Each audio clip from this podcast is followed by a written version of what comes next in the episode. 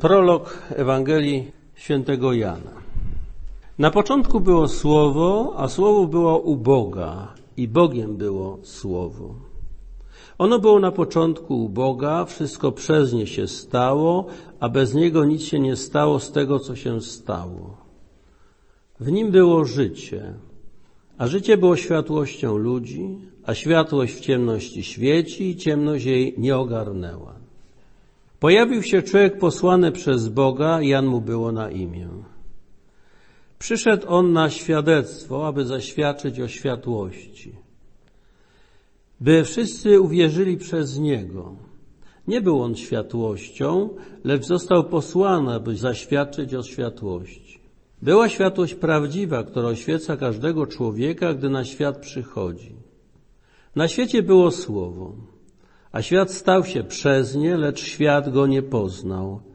Przyszło do swojej własności, a swoi go nie przyjęli. Wszystkim tym jednak, którzy je przyjęli, dało moc, aby się stali dziećmi Bożymi.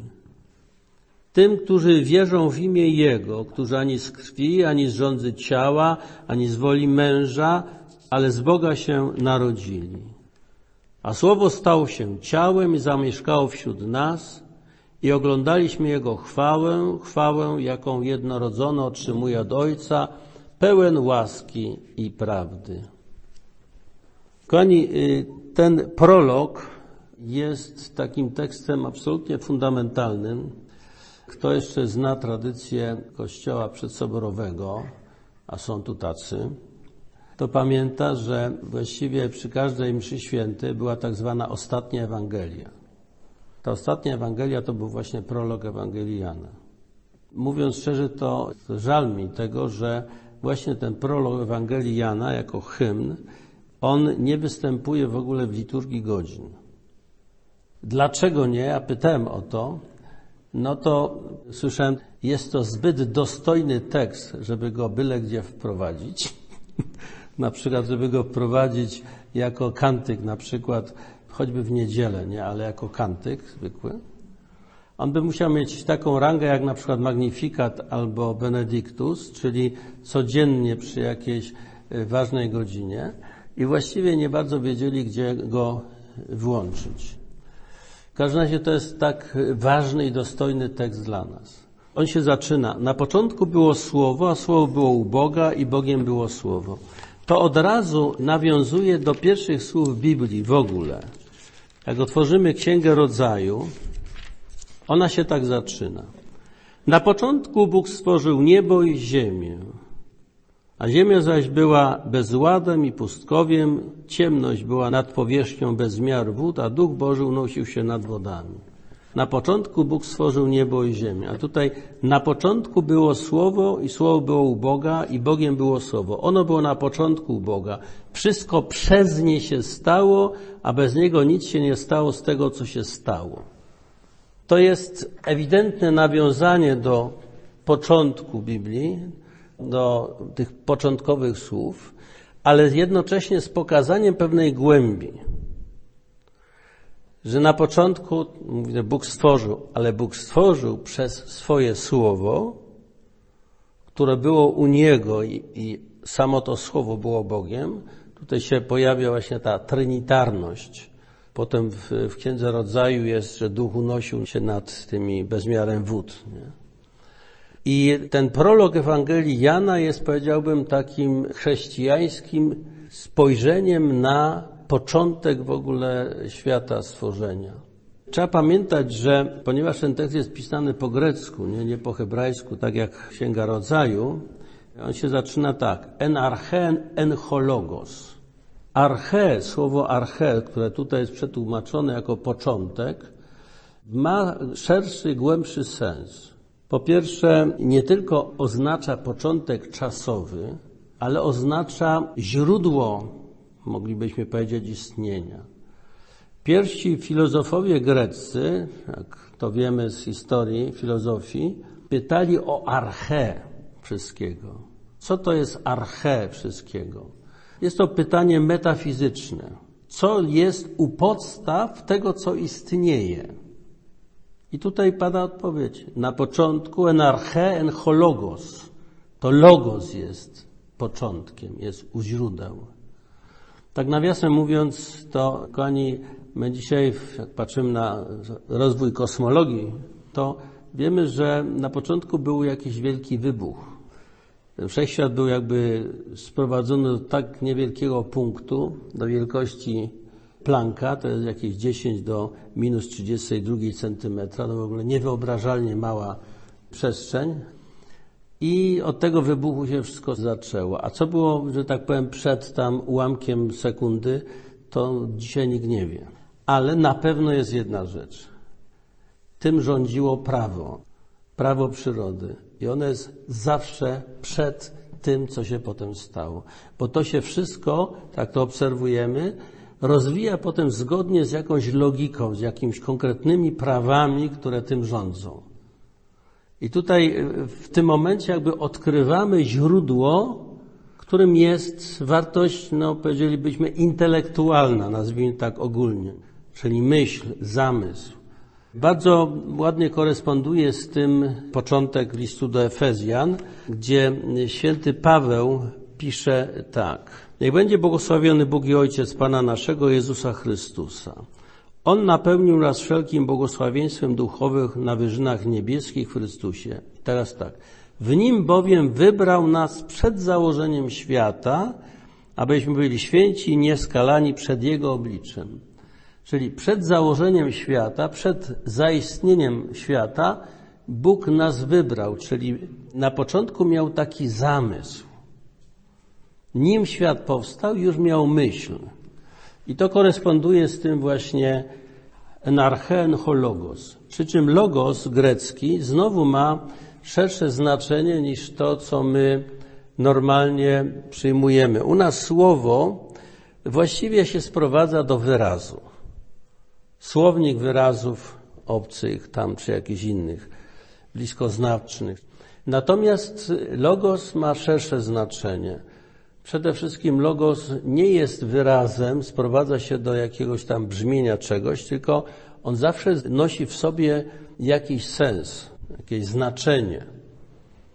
Dlatego na przykład logika to nie jest nauka o budowie wyrazów, tylko logika jest nauką o poprawności myślenia, regułach wyrażenia, wypowiadania jakichś sentencji, myśli, żeby to było logiczne, właśnie, żeby było spójne, żeby w tym sformułowaniu nie było czegoś, co jest sprzecznością samą w sobie. Powoduje, że sama ta wypowiedź jest bezsensowna e, w samym e, ujęciu jej, bo coś tam przeczy części tego zdania, tej wypowiedzi.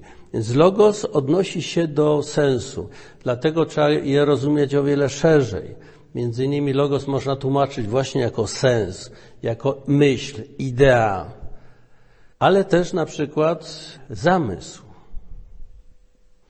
I e, kiedy rozmawiałem z panią Anią Świderkówną na temat właśnie prologu Jana, no to ona mi powiedziała, wiesz, mówi najlepiej, by tutaj tłumaczyć ten logos jako zamysł. I to, widzicie, koresponduje wtedy bardzo mocno z tym początkiem listu do Efezjan. Nie? Na początku był zamysł. On był u Boga i Bogiem był ten zamysł. Teraz dalej proszę zobaczyć, jak tu się wprowadzi w języku polskim słowo zamysł, jak to bardzo potem ładnie jest ujęte. Ono było na początku u Boga, wszystko przez ten zamysł się stało, a bez niego nic się nie stało z tego, co się stało. Czyli wszystko Bóg zamyślił, żeby się stało. I w tym zamyśle jest od razu, tak jak w liście do Efezjan, pragnienie błogosławieństwa, obdarzenie życiem. W nim było życie, a życie było światłością ludzi. To nie gołe słowo, goła nawet myśl czy idea, ale zamysł, w którym jest Boże takie pragnienie obdarowania życiem, tak byśmy to nazwali. Bóg jest miłośnikiem życia. I potem wszystko to, co stwarza, stwarza tak, aby było życie, aby powstało życie. To nie chcę tego tutaj szerzej rozbudowywać, ale taka jest w tym idea. Rzeczywiście Bóg pragnie, aby wszystko żyło. Już Ezechiel y, w Starym Testamencie mówi, Bóg nie chce śmierci grzesznika. ale pragnie, by się nawrócił i żył. Pragnie życia dla niego. Czyli, żeby żył, musi zacząć inaczej myśleć, inaczej podchodzić do życia. I zobaczcie, tutaj jest ta cała myśl, która jest u początku prologu reguły. Do Ciebie kieruję moje słowa, jak kimkolwiek jesteś, których wyrzekasz się własnej chęci, czyli tego, co wynika i prowadzi do nieposłuszeństwa, gnuśnego nieposłuszeństwa, zamykania się w sobie, a chcesz służyć pod rozkazami jedynego Pana, Chrystusa. Tego, który jest tym Bożym zamysłem, zamysłem odnoszącym się do życia. Bóg pragnie, abyśmy żyli. Mało tego, pragnie, jak się potem okazuje, żebyśmy byli uczestnikami Jego życia. Taki jest tutaj na początku zamysł. W nim było życie, a życie było światłością ludzi, a światłość w ciemności świeci i ciemność jej nie ogarnęła. Ciemność jej nie ogarnęła. To znaczy, że jest jakaś ciemność, która ma takie, powiedziałbym, agresywne, agresywne zamiary ogarnięcia światłości, zniszczenia tej światłości. Jest jakaś mroczna siła, która tutaj gdzieś się pojawia. Potem w liście święty Jan pisze w pierwszym rozdziale, chyba to jest czwarty czy piąty wiersz, piąty, przepraszam. Mówi, Bóg jest światłością i nie ma w nim żadnej ciemności. Bóg jest światłością i nie ma w nim żadnej ciemności. Nie ma tej siły niszczącej, tej siły, która chce uśmiercić. I tutaj jest potem wtrącenie, to jest ewidentny jakiś dodatek do tego hymnu. Pojawił się człowiek posłany przez Boga, Jan mu było na imię. Przyszedł on na świadectwo, aby zaświadczyć o światłości, by wszyscy uwierzyli przez niego. Nie był on światłością, lecz został posłany, aby zaświadczyć o światłości. Była światłość prawdziwa, która oświeca każdego człowieka, gdy na świat przychodzi. To jest wtrącenie. Ono wyraźnie potem nawiązuje do tego, co dalej Jan pisze o Janie, że Jan sam mówi o tym, że nie jest Mesjaszem, nie jest prorokiem. On jest głosem wołającym na pustyni, prostujcie drogi pańskie. On jest tym, który przygotowuje drogę dla prawdziwej światłości. Wtedy jeszcze, kiedy Jan to pisał, byli ludzie, którzy byli uczniami Jana, czy ich potomkowie, którzy ciągle Jana widzieli jako proroka i jeszcze nie uwierzyli w Chrystusa. Ten tekst jakoś tamtym ludziom mówi, że okej, okay, Jan był kimś, kto zaświadczył o światłości, wskazał tego prawdziwego Mesjasza, ale sam nie był Mesjaszem. Był tym, który go wskazał. I teraz dalszy ciąg tego prologu. Na świecie było słowo, a świat stał się przez nie, lecz świat go nie poznał. Przyszło do swojej własności, a swojego nie przyjęli. I tutaj jest y, o fakcie, to trzeba mówić o faktach. Rzeczywiście przyszedł do swojej własności. Tutaj ta własność to odnosi się do całego świata, ale oczywiście w sposób szczególny do Żydów. To był naród wybrany przez Boga. Naród, który oczekiwał przyjścia Mesjasza, tego prawdziwego prawodawcę i wyzwoliciela. Oni go oczekiwali. W sposób szczególny przyszedł do nich, ale przyszedł do całego stworzenia, bo wszystko przez niego się stało. Ale swoi go nie przyjęli, zarówno Żydzi, jak i poganie. I to jest fakt. Dramatyczny fakt. Dlaczego? No tam wcześniej jest mowa o tym, że że światłość w ciemności świeci, a ciemność jej nie ogarnęła. Jest jakaś taka zachłanność ciemności, która próbuje zdławić światło. I przez to świat ich nie poznał, swoi go nie poznali.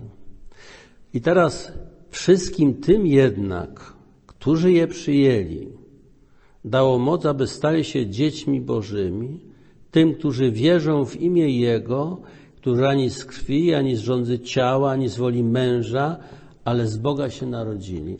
I tutaj jest cała racja dla podjęcia tego trudu, słuchania słowa, tego jedynego słowa od Boga, tego zrozumienia tego Bożego zamysłu, planu zbawienia. Święty Paweł mówi o tym planie ukrytym od wieków, tym Bożym zamyśle, tajemniczym właśnie Bożym planie, który dopiero został ujawniony w pełni, stał się jasny w Chrystusie. To prorocy chcieli poznać ten zamysł Boży, ale nie byli w stanie, tylko częściowo jakoś tam przepowiadali i zapowiadali. Natomiast w Chrystusie on się odsłonił, pokazał w pełni. Nam został objawiony.